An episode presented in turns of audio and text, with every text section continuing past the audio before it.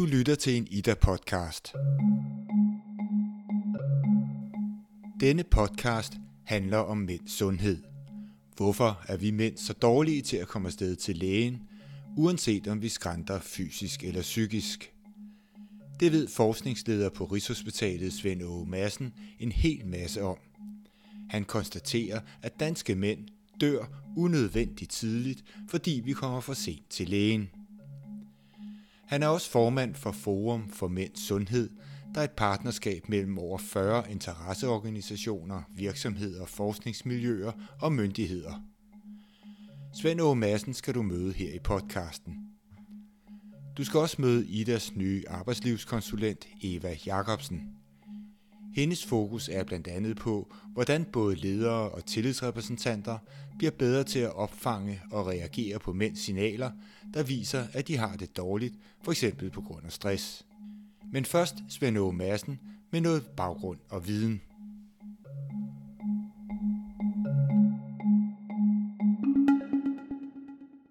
Altså mænd er dårlige til at gå til lægen, fordi mænd ikke er vant til at beskæftige sig så meget med, hvad for nogle tilstand har de, hvordan har de det. Man kan jo sige, at alle de funktioner, som mænd har haft i hele vores civilisation nærmest, der har det jo aldrig været produktivt, at de tog udgangspunkt i, hvad føler jeg lige nu, hvor gør det ondt hen, eller et eller andet. Fordi de opgaver har været bedst løst, hvis man ikke går og beskæftiger sig med, hvordan man har det, i modsætning til de opgaver, kvinder har haft med at tage sig af familie og børn, hvor der har været en fordel og nødvendighed, at man var god til at mærke og øh, øh handle på følelser, forholde sig til følelser, hvordan har vi det og alt det der. Og de to roller har jo været en, at det hele vores, vores samfund er bygget op på, kan man sige. Og det har været en kæmpe fordel. Problemet er bare, at det er ikke nogen fordel for mænd at være dårlige til at mærke efter, hvordan de har det. Og det er der problemet er, man kan sige. Det gode det er, at de har bygget Eiffeltårnet og alt sådan noget. Men dårlige ting er, at når det så handler om sundhed og sygdom, så ser det ud som om, de altid kommer for sent til lægen, og dermed jo også har en større dødelighed af al sygdom end kvinder. En langt, langt større dødelighed af alle sygdomme. Så det går mænd dårligere, når de får sygdomme, både når det er psykisk og når det er fysisk. Men det her med den større dødelighed, er det ikke bare fordi, de lever mere usundt end kvinderne? Nej, der, det er vigtigt, at man skelner mellem forekomst af sygdom og dødelighed af sygdom. Hvis vi kigger på kræft for eksempel, alle kræftformer til sammen, som er fælles forkyndende, så har øh, mænd 7% større forekomst af kræft. Det vil sige, at hver gang der er 100 kvinder, der får kræft, så er der 107 mænd. Det er jo ikke så voldsomt. Men når vi så kigger på dødeligheden, så skulle det jo også være 7% større dødelighed for mænd. Der viser det sig bare, at det er cirka 30% større dødelighed for mænd.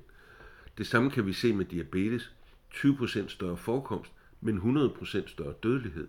Hjertekarsygdom 60% større forekomst, men 120% større dødelighed. Og den afstand mellem forekomst og dødelighed siger jo noget om, hvordan går det, når vi får sygdomme. Forekomsten, det er, hvorfor får vi sygdomme? Men hvordan går det, når vi får sygdom? Og der går det jo altså bare med markant dårligere. Fire gange for, så dårligt, som det burde gøre af kræft. Fem gange så dårligt af diabetes. Dobbelt så dårligt af, af hjertekarsygdom.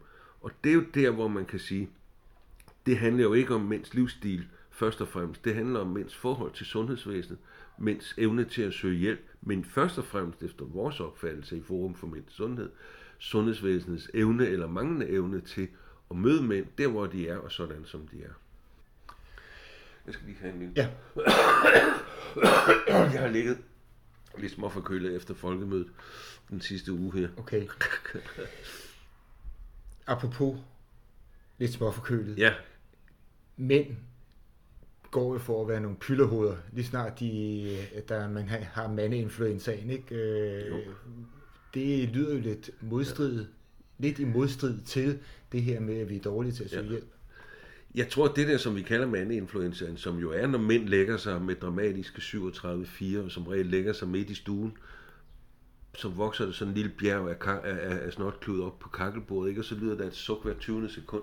Af en eller anden grund udløser det ikke omsorg for konerne, men de synes, nu har du skulle ligge der længe nok, og kunne du ikke ligge der i soveværelset af det. Det er meget interessant.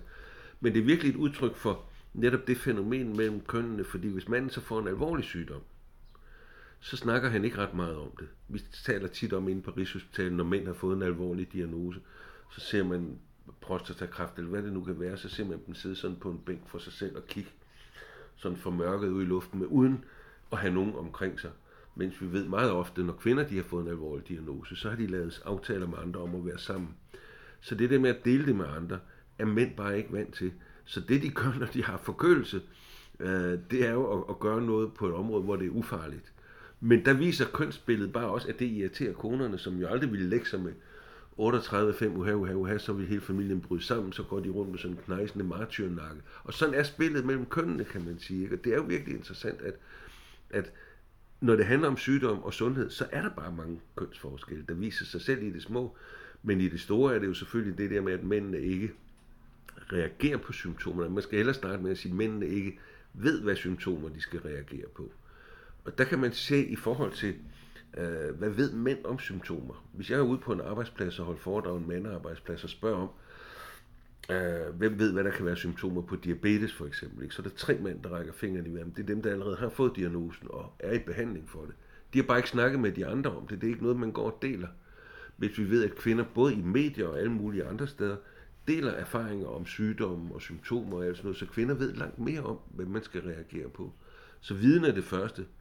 Det næste er så det der med, når man ved, der er noget, der er galt her, så er man længere om, hvis man er mand, om at søge læge. I vores undersøgelse siger nogle af mændene ude på arbejdspladserne, at vi går kun til lægen, hvis der er noget, der er ved at falde af. Så det er ligesom den, nu skal jeg lige huske igen. Beklager. Um, det næste igen er så at komme til lægen. Der ved vi jo godt, at mændene meget ofte er sendt af deres koner. Det har vi undersøgt, som mændene siger selv. Ja, jeg kom til lægen, fordi min kone havde sagt i lang tid, nu skulle jeg se at komme. Efter det med at komme til lægen, så er der det med dialog med lægen. Og det er noget af det, som jeg synes er meget, meget vigtigt, for mange, mange mænd siger, at der er ikke tid nok, når de er hos lægen. Og det er jo fordi, de ikke har et sprog i forvejen, hvor de har snakket en hel masse om sundhed og sygdom og symptomer. Så når de kommer til lægen, har de ikke meget sprog for det, der skal foregå. Derfor er det så vigtigt, at det er Derfor er det så vigtigt, at det er sundhedsvæsenet, der spørger mændene, og ikke venter, at mændene de skal kunne udrede sig selv. Og der er der meget tit sådan catch-22 mellem lægen og manden, hvor manden kommer til lægen og siger, jeg ved ikke, om der er noget galt. Og så siger lægen, du skal ikke komme, hvis du ikke fejler noget. Og så siger manden, jamen det er jo dig, der ved, om jeg fejler noget. Og den forskel er virkelig noget, som mange mænd de møder. Så de føler sig afvist, hvis de vil have et helbredstjek. Og det at bede om et helbredstjek kan jo være en måde at sige, jeg tror, der måske er et eller andet galt, jeg ved ikke, hvad det er. Så det er vigtigt, at den dialog mellem lægen og mændene bliver bedre, sådan som, så det er lægerne, der er i stand til at udforske mændene, frem for at afvente, at mændene skal kunne vide, hvad de skal sige til lægen. Det er en meget, meget vigtig ting. Og der kan man jo bare sige, at i lægestudiet og i sygeplejestudiet indgår det her problemstilling ikke, at der kan være forskel i kommunikation med kønnene som patienter.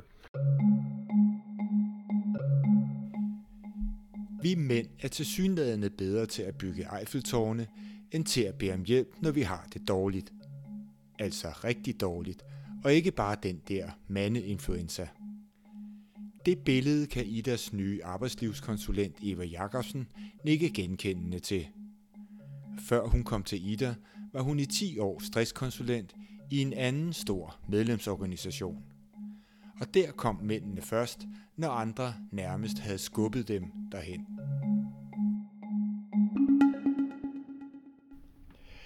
Eva Jakobsen, hvorfor skal Ida interessere sig for, hvor lang tid mænd er om at gå til lægen? Ja, det er, jo, det er jo også et rigtig godt spørgsmål i en, i en fagforening eller en faglig forening, men, men øh, 76 procent af vores medlemmer er mænd. Øhm, og det vil sige, at vi har en stor medlemsskare, der er øh, mænd, øhm, og jeg synes, det er, det er jo synd, og det er en skam. Øh, det er ikke en skam at gå ned med stress, det er en skam ikke at gøre noget ved det. Øhm, men, men al mulig forskning viser, at mænd i Danmark dør af noget, som de ikke burde dø af, fordi de på en eller anden måde ikke får spurgt om hjælp. Så det her med at spørge om hjælp, det er sådan et, havde jeg nær sagt, et universelt mandeproblem? Ja, det, det er i hvert fald sådan, jeg oplever det. Jeg, jeg, sidder, jeg har siddet som stressrådgiver i en anden medlemsorganisation i, i 10 år, og, øhm, og rigtig mange af de mænd, som kom og bad om hjælp, eller fik stressrådgivning, eller som havde, var væltet i arbejdslivet på den ene eller den anden måde, og her taler vi ikke fysisk, men, men psykisk. De fleste af dem, de var faktisk øh, blevet bedt af deres kone om at, gå, om at komme, om at bede om hjælp. deres kone, deres kolleger, en god tillidsvalgt, en god chef, øh, deres familie havde sagt, vi er bekymret for dig, vil du ikke nok bede om hjælp? Så de kom sådan med armen øh, sådan godt op i nakken og sagde, min kone har sagt, at jeg bliver nødt til at, at ringe. Og, og det, jeg har snakket med nogle medlemmer, jeg har jo ikke siddet her så længe, øh, men, men jeg har dog snakket allerede med, med, med et par håndfulde medlemmer, og der er lidt det samme mønster. Altså, der er en stor barriere for mænd i at bede om hjælp, øh, og nu bliver jeg lidt grov og lidt øh, generaliserende, men, men hvis I ikke kan fikse det, altså I, I vil gerne fikse det, og hvis det kan gøres som en skruemaskine, så er det rigtig fint, og, og hvis det skal bruges sådan, hvis der skal bruges ord på, at, øh, at jeg, jeg, altså jeg tænker ikke, det dukker op i jeres hoved, jeg, jeg føler mig ensom, eller jeg, øh, jeg, jeg græder om natten, eller jeg bliver nødt til at gå nogle lange ture, når jeg ikke kan rumme mine børn. Altså, der, der er et tabu, og så er der måske noget sprog, som, som vi kvinder er rigtig gode til, at sidde og pludre om i timevis. Øh, jeg kan jo tage min egen øh, baggrund og sige, når min mand spørger, hvad har I så lavet i fire veninder, så har jeg sagt, vi har snakket i seks timer, siger han så. Ja, hvad tror du? Altså, og når jeg spørger ham, når han kommer hjem fra en weekend med mændene, med, med drengevennerne eller mænde, mandevennerne, og siger, hvad har I, altså, hvordan har de det egentlig, dine venner? Så siger han, det er fint. Jamen, altså, ja, Altså, og de har bare lige sådan kigget på hinanden, og så har de spillet fodbold, eller rodet kajak, eller hvad ved jeg, eller løbet en maraton. Og, og det er jo nok forskellen. Altså, og, og, og lige præcis når det handler om de psykiske og mentale helbredsproblemer over en kamp, så, øh, så skal det ligesom ud af munden. Og noget af det, vi ved, der virker, det er sådan helt videnskabeligt, det er meditation, det er motion som forebyggende, ikke når man er allermest stressramt. Så er det faktisk også at tale med nogen om det. øhm, og det, der, der skal vi jo på en eller anden måde finde nogle ord, øh, som ikke gør, at du tænker, jamen jeg skal jo ikke ind til sådan en hyldekone som Eva og sidde der og, og græde, og så skal hun sidde og sige, nå, nå, hvor er det synd for dig. Altså, jeg skal jo give dig en værktøjskasse. Men hvis mænds værktøjskasse er at spille fodbold om det i stedet for, er det så ikke ok? Jo, hvis det virkede. Men det gør det ikke. Fordi du kan simpelthen ikke præstere dig ud af, af, du kan ikke præstere dig til, jo, hvis det virkede, så er det fint. Og det virker også forebyggende. Motion ved vi virker forebyggende. Men når du først begynder at gå ned i den nedadgående spiral om, hvor du ikke kan sove, og du kan ikke øh, tænke, og du, kan, du mister din hukommelse, det er sådan en nedadgående spiral. Der, der, øh, der nytter det ikke noget at dyrke hård motion, for eksempel. Du, der øger du adrenalin, og det er ikke det, du har brug for lige nu. Det giver også endorfiner, og det gør det også at gå på arbejde og have pivtravlt. Men der er simpelthen noget andet, vi skal have gang i. Der er noget restitution. Og du kan ikke præstere dig til restitution. I Forum for Mænds Sundhed ser Svend Aage Madsen en klar parallel, når det handler om mænds måder at reagere på, eller rettere ikke at reagere på, både i forhold til fysiske og psykiske problemer, og altså herunder også stress.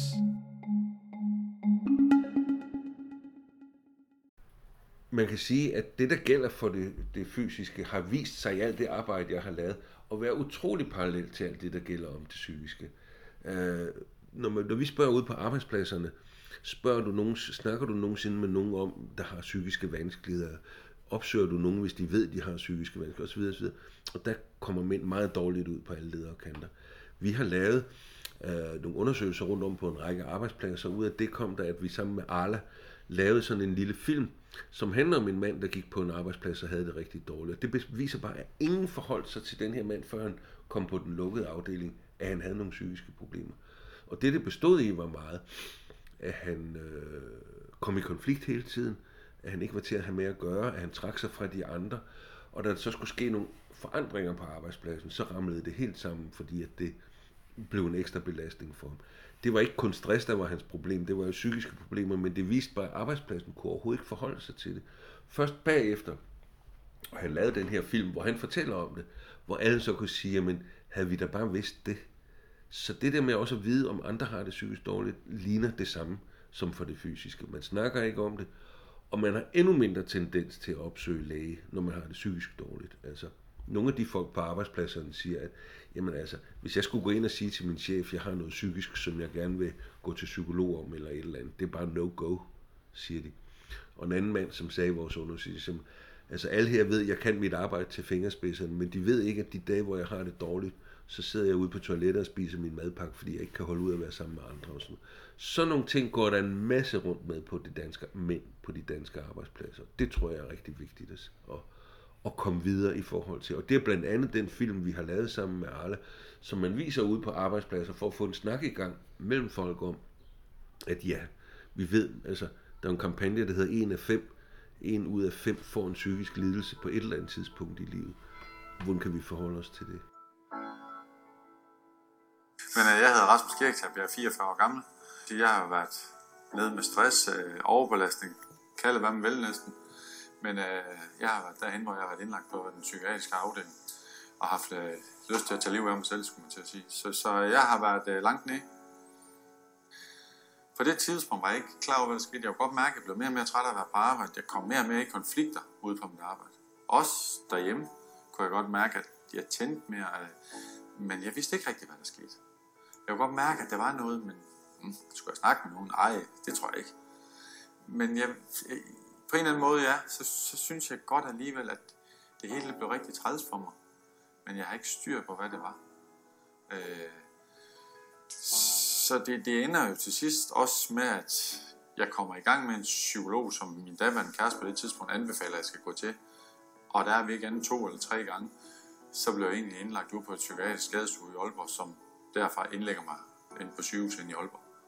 Og der er jeg så i, i fire uger, hvor det er faktisk er rigtig, rigtig skidt med mig. Og jeg søger hele tiden efter den der nøgle der. Hvad er der kan hjælpe Rasmus? Men nøglen kan jeg ikke rigtig finde. Jeg synes ikke, jeg kan finde den. Jeg synes, tiden går lidt. Jeg får det bedre, og jeg tænker, at det, det er godt nok.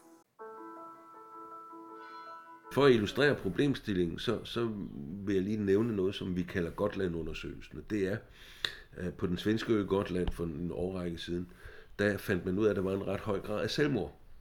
Og svenskerne de er meget ofte gode til at gøre noget systematisk, når de ser et problem, så de siger, okay, selvmord hænger nok sammen med depression. Vi vil uddanne de praktiserende læger, almenlægerne på Gotland, til tidligt at opdage tegn på depression hos deres patienter og sætte dem i behandling. Som sagt så gjort, det kørte over et par år, og det viste sig at være en fantastisk succes. Antallet af selvmord faldt med 60%, men kun for kvinder. Mændenes selvmord rokkede sig ikke ud af stedet. Og det blev en øjenåbner for, hvad foregår der i forholdet mellem mænd og det med psykiske vanskeligheder og hjælp. For det første, så var en af erfaringerne jo den, at jamen, når mænd har nogle ting, de mærker, som, som er mærkelige, så er der et langt stykke vej ind til, de får defineret, som det, det er et problem, man kan få hjælp til, eller har behov for at få hjælp til hvis man ikke er vant til at snakke om tilstande og følelsesmæssige øh, måder at have det på, og, og jo ikke kun følelsesmæssigt, men også kognitivt, jamen så har man ikke ord for det heller at sige, sådan som jeg har det, er et psykisk problem, jeg skal have hjælp til. Så det er jo det allerførste, hvis man ikke har ord for det. Og det, det tror jeg er meget vigtigt. Der er så altid så mange, der snakker om det med tabu og snakker om at være svag og alt sådan noget. Det findes også. Men hvis man slet ikke har ord for det, så er det meget svært. Så hvis du møder en mand, der går rundt og ser ud og til at have det lidt skidt, og man så siger til ham, du har det da ikke særlig godt, var, så er det den vigtigste, eller hyppigste svar, vi hører meget, at jeg er bare så træt for tiden. Og nu er det også blevet tilladt at sige, at jeg er stresset for tiden. Det er nogle af de to ord, man vil bruge, men i det ligger der jo en hel masse ord, som så ikke kommer ud, og som bliver forudsætningen for at, at, at få hjælp og blive mødt og alt sådan noget. Så det ene var jo selvfølgelig det der med, hvornår erkender en mand og, og sætter han ord på, at sådan som han har det, er et psykisk problem. Det næste er så, hvor søger man hjælp? Og der ved vi så, at, at der er ikke så mange, der nu umiddelbart tænker, jeg har det psykisk dårligt, jeg skal til den lægen. Altså, der er lægen jo mere ofte kendt for noget andet. Selvom det er vores indfaldsvinkel her i Danmark til al mulig hjælp, så er det jo den praktiserende læge. Det tredje er så det der med, at der faktisk jo viste sig også på Gotland en hel del mænd, som kom til lægen, som lægen ikke opdagede, som havde det dårligt, og som endte med at begå selvmord. Så der var også noget i det med at opdage, hvornår er det, mænd har det psykisk dårligt. Og det har været mænd, som er kommet måske klokken 9 om formiddagen og har lugtet af øl og været sure og mutte eller irritable eller et eller andet, og som lægen har tænkt, det om at få ham ud af konsultationen i en fart. Det viste sig bare, det her var nogle tegn, som vi ikke havde vendet os til, at vi skal være opmærksom på, for at identificere mænd, der har det dårligt. Så ud af det Gotland erfaring her, kom der også det at sige, jamen det kan være, at mænd har nogle andre måder at reagere på, end dem vi normalt tænker på. Nu var det depression det her. Men hvor depression jo netop er defineret som noget, der er rettet ind af med selvbebrejdelse, skyldfølelse, jeg dur ikke til noget, jeg skulle aldrig være blevet født, der er ingenting, der kan blive godt igen. Så viste det her jo, at nogle mænd reagerer udadvendt, udadreagerende. Og der synes jeg, der er to, eller, eller der er en, en række symptomer, som vi skal være opmærksom på i forhold til mænd, som vi måske ikke tænker, her er en mænd, der har det dårligt. Det første er det der med, når mænd de bliver irritable og vrede og sådan noget, så er det jo ikke let for os at tænke, det er sgu synd for ham. Så tænker man sig en idiot. Og det er en meget vigtig ting at finde ud af, hvis der er en, der pludselig altid er i konflikt, der er altid diskussioner hen på arbejdspladsen om det, han skal, og øh, han reagerer vredt og irritabelt og sådan noget, så er det sandsynligvis, hvis det, hvis det er en forandring, der er sket, et af de symptomer, vi skal kigge på. Det andet er det, som man kunne kalde tilbagetrækningsreaktioner, at mange mænd, når de får det dårligt, så trækker de sig væk fra andre. Og det er noget af det, jeg hører meget tit med de mænd, jeg snakker med, at de siger, at hvis bare jeg kunne være i fred, så ville jeg få det bedre. Bare jeg kunne blive fri, så ville jeg få det bedre. Og med fri og i fred mener de, for ikke at være sammen med deres nærmeste. Og det er en af de, man kan sige, negative ting ved mange mænds måde, når de har det dårligt på, det er, at de trækker sig væk fra deres nærmeste. De ser ikke deres nærmeste som en ressource, men de synes snart, det er en del af problemet at skulle snakke om det og være sammen med andre om det. Hvor mange kvinder jo søger nærhed, når de har det skidt, snakker de med andre om det, og det kan være en der kan faren der være for afhængig af andre, men, men for mændene er det, at, man ikke bruger andre. Og det er jo en, en vanskelighed. Så hvis man bliver udadreagerende og, og, og, og vredladen, eller man, eller og man trækker sig væk fra andre, så kommer man også længere væk fra at få hjælp og blive opdaget og for at få omsorg og få gjort noget ved det. Det tredje, ja, Undskyld. den tredje ting er det der med, at mange mænd også, når de har det skidt, kan have svært ved ligesom at være i det ret længere gange. At de øh, ligesom skal gøre et eller andet hurtigt for at komme væk og dulme smerten. Og dulme smerten er jo meget tit alkohol eller andre stoffer, som får smerten til at, at blive dulme, eller løbe og løbe og løbe, eller træne og træne og træne. Alt muligt, der ligesom dæmper smerten, men vi ved bare, at den går ikke væk af det. Så den tendens til ikke at kunne være så længe i det, er en vanskelighed for mænd også til at, at kunne gøre noget ved det, så de ligesom kommer væk fra det frem for at udforske det. Den fjerde ting er det, som man kunne sige, at for mange mænd at have det dårligt, bliver det jo ofte meget overvældende. Altså når de får det dårligt, så er det helt bum, voldsomt, fordi de ikke er vant til ligesom at dele det op i forskellige ord på følelser og sådan noget.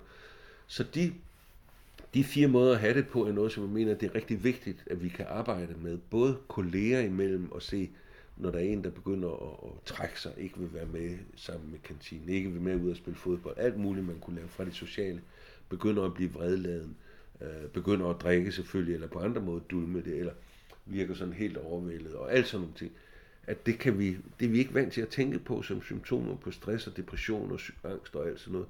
Og det tror jeg bare, at det er noget af det, vi skal lære for at finde de mænd, som har det vanskeligt.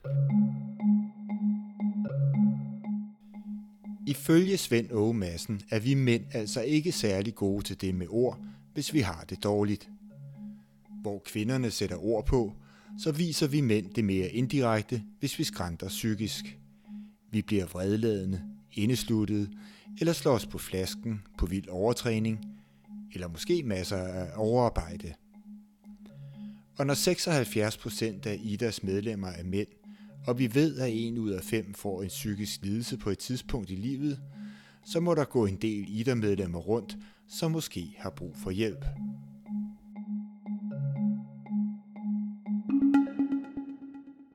Ser du en forskel på, om det er yngre kvinder, ældre kvinder, yngre mænd, ældre mænd i forhold til, hvordan i deres medlemmer håndterer det, de her ting omkring sådan set både fysisk og psykisk øh, sygdom? Jeg havde håbet, at der ville være et, at der ville være en mindre tabuisering med tiden. Altså jeg havde håbet, at de digitale indfødte, der kommer, som ligesom med rygning, de ved det godt, men, men hvad gør de ved det? Øh, lige nu ser det desværre ikke sådan ud, vil jeg sige. Altså, når vi tager vores studerende, vores øh, unge, helt unge medlemmer, så, så er der et indre pres, øh, som de oplever. Øh, og det kan have noget med sociale medier, det kan have noget med konkurrencesamfundet, det kan være noget med fremdriftsreform og uddannelseslofter. De tilsætter har gjort, at de bliver sådan set presset rigtig meget udefra, men der er også et indre pres, som vi oplever det. Et individuelt indre pres, så der er sådan to, hvor, hvor de sådan virkelig bliver presset. den øh, lidt ældre, den, den, den der er sådan etableret, så er der en mellemgruppe, som hedder småbørnsfamilier, så hvor det er svært, work-life balance, og skal være god far, og, men også en god medarbejder, så ja til store projekter, måske udlandet med lange rejser, og også være en god far og hente mine børn til tiden. øhm, og så er der en ældre gruppe, som vi kan se, øh, de, øh, de egentlig ikke, øh, de bonger ikke ud i vores stress. Altså de, det er sådan set nogle af dem, der har mindst stress, dem over 60. Men de bliver til gengæld øh, måske øh, i højere grad udfordret i den digitale, altså den transition, der er lige nu fra analog til, øh, til digital. Og være specialist øh, på, en, på vind, øh, vindhastigheder eller sådan noget, som nu gøres virtuelt, og så kommer der sådan nogle unge fyre ind og kan noget med noget, noget digital måleudstyr, som, som nogle af vores medlemmer har haft en, en kerneopgave i og været specialister i, og så måske har en, har en oplevelse af at blive overhalet indenom af nogle af de der digitale indfødte. Der er nogle andre pres.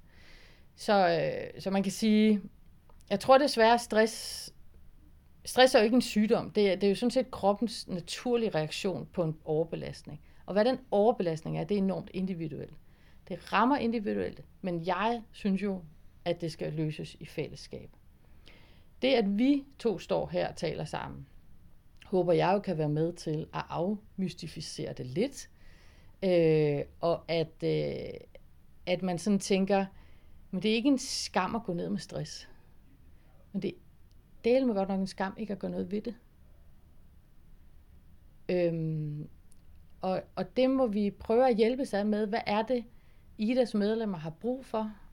Og hvordan kan vi levere det som medlemsorganisation, som faglig fællesskab, som netværk, som fagforening? Hvad er det så, Ida skal tilbyde? Det er både det individuelle perspektiv. Når, hvis, man har, hvis man har brækket hjernen, altså hvis man har, hvis man har knækket benet, er det ikke så svært at gå på arbejdspladsen med en gipsbandage og sige, jeg har brækket, øh, kan, kan lige få lov til at gå lidt før. Hvis man har brækket hjernen, så er det rigtig, rigtig svært. Og nogen kan ikke rigtig få snakket om det på arbejdspladsen, og så ringer de herind. Og enten så vil de have et nyt job, eller så vil de have en fratrædelse, eller så er de sygemeldte, og så vil de gerne have noget rådgivning, og det bliver de ved med at skal have. Helt fast juridisk rådgivning til dem, der er allerhårdest ramt. Så skal de, når de er klar til det, og i, i nyorienteringsfasen, altså komme på ben igen, skal de have måske noget karriererådgivning, enten til at blive i egen organisation, eller til at komme væk fra, fra den arbejdsplads. Øhm, så det skal vi. Vi skal være klar til at tage telefonen, når de ringer ind. Øh, vi skal også være klar til at være ude på arbejdspladserne, og det øh, lige så snart de ringer, så, øh, så kommer vi. Øh, om det er oplæg, fyraftensoplæg, om det er workshops, der, der giver sådan lidt mere hands eller det er temadag, eller det er sådan længerevarende for, forløb, hvor vi er en ressource ind, i, øh, ind på en arbejdsplads. Det er vi, det er vi i gang med. Øh, og vi er hele tiden i dialog med medlemmer for at høre, hvad, hvad virker, hvad virker ikke. Øhm, og så skal vi i gang med noget lederuddannelse. Vi skal også i gang med noget uddannelse til tillidsvalgte, til vores ildsjæle arbejdsmiljørepræsentanter. Øhm, så, så jeg håber, at vi kan både forebygge, håndtere, øh, og, og også sådan, øh, vi skal ikke behandle, fordi vi er hverken læger eller psykologer, men, men i hvert fald kunne være de første. Øh, det skal give mening, når man ringer herind, og så skal vi kunne give den første øh, afklarende samtale om, hvad, hvad er det, der hjælper dig lige nu. Og så vil vi hele tiden sige til medlemmerne, I skal jo gå til lægen. Altså, vi skal jo have egen læge indover, fordi jeg skal jo ikke sende medlemmer til erhvervspsykolog, eller øh, sidde og, og, og at lave en stressrådgivning med dem, hvis de har for højt blodtryk. Altså det, det hjælper mine samtaler jo ikke på, eller mine kollegers samtaler på. Så det er hele tiden et tæt samarbejde med dem, der har den, læge, øh, altså den lægefaglige vurdering. Nu ser det ud som om, at Svend Åge og alle vi andre mænd, vi overlever både forkølelser og mandeinfluenzaer. Men hvad nu, hvis man mere alvorligt føler, at man er ved at kendre i arbejdslivet som mand? Hvad gør man så? Jamen, det gælder for mænd og som for kvinder, hvis de er medlem af IDA øh, og føler sig presset eller begynder at ændre adfærd, eller bare ikke synes, det er, det er sjovt at gå på arbejde og stå op om morgenen, og, og der er sådan lidt mere end en, end en mandag over det, og det begynder at ligne et mønster, så skal de ringe herind. De skal ringe ind til Ida, fordi øh, vi har et korps siddende af kompetente og kvalificerede konsulenter, der er uddannet til at tage sig af de medlemmer, som af forskellige årsager vælter i, øh, i arbejdslivet. Øhm, og man skal ikke vente nødvendigvis til, at man har en diagnose eller er blevet sygemeldt i lang tid hos lægen. Man, man må faktisk godt ringe herind og sige, det, det, øh, der er noget, som jeg går og bøvler med, øh, fordi øh, det, er jo ikke, det, det er jo ikke altid, der er jura i det, og det er ikke altid, der er sådan en ansættelsesret og afskedelse og sådan nogle store ting. Altså nogle gange kan man bare godt være kørt rigtig, rigtig fast. Og måske skal man have en, øh, en samtale med en, trivsel, en trivselssamtale. Hvordan går du egentlig og har det, og hvad kan du selv gøre, og hvad, kan du, hvad, hvad har du mulighed for øh, at påvirke din arbejdsplads? Og måske skal man øh, i virkeligheden have en samtale med en karriererådgiver, når man sådan lige har fået pusten, og finde sig et nyt sted at være, fordi øh, at det her match, det ikke er godt. Det, øh, det psykiske arbejdsmiljø og stress, og altså det, det er sjældent nogens skyld, men det er bare alles ansvar. Og der kan vi starte med at snakke med medlemmerne om, hvad kunne du selv gøre, hvis du har overskud til det? Øhm, og hvis der ikke er noget at gøre, så, så kan det være, at du skal have noget hjælp, og det kan også være, at du skal have en pause, og det kan også være, at du skal finde et andet sted at være. Tak til Eva Jacobsen, Idas nye arbejdslivskonsulent, og tak til forskningsleder og chefpsykolog på Rigshospitalet, Svend Åge Madsen, der også er formand for Forum for Mænds Sundhed. Ifølge de to tyder meget på, at vi mænd sagtens kunne leve længere og har et potentiale til at indhente kvindernes noget højere gennemsnitslevealder. Det kræver dog noget af os selv, nemlig at vi mænd tidligere beder om hjælp, når vi har det skidt, hvad enten det er fysisk eller psykisk. Men det kræver måske også, at sundhedsvæsenet bliver bedre til at møde mændene der, hvor vi er, og opfange mænds mere nonverbale signaler. Og endelig skal vi ude på arbejdspladserne, og det vil sige kollegaer, tillidsrepræsentanter og ledere, også blive bedre til at fange og forstå signalerne, når det skrider for en af vores kollegaer. Ida Podcast er skabt af Ingeniørforeningen Ida. I podcasten hørte du også et klip fra den film, Arla og Forum for Mænds Sundhed har lavet om mænd og psykiske problemer. Den her podcast var tilrettelagt og redigeret af Teddy Østerlin Kok.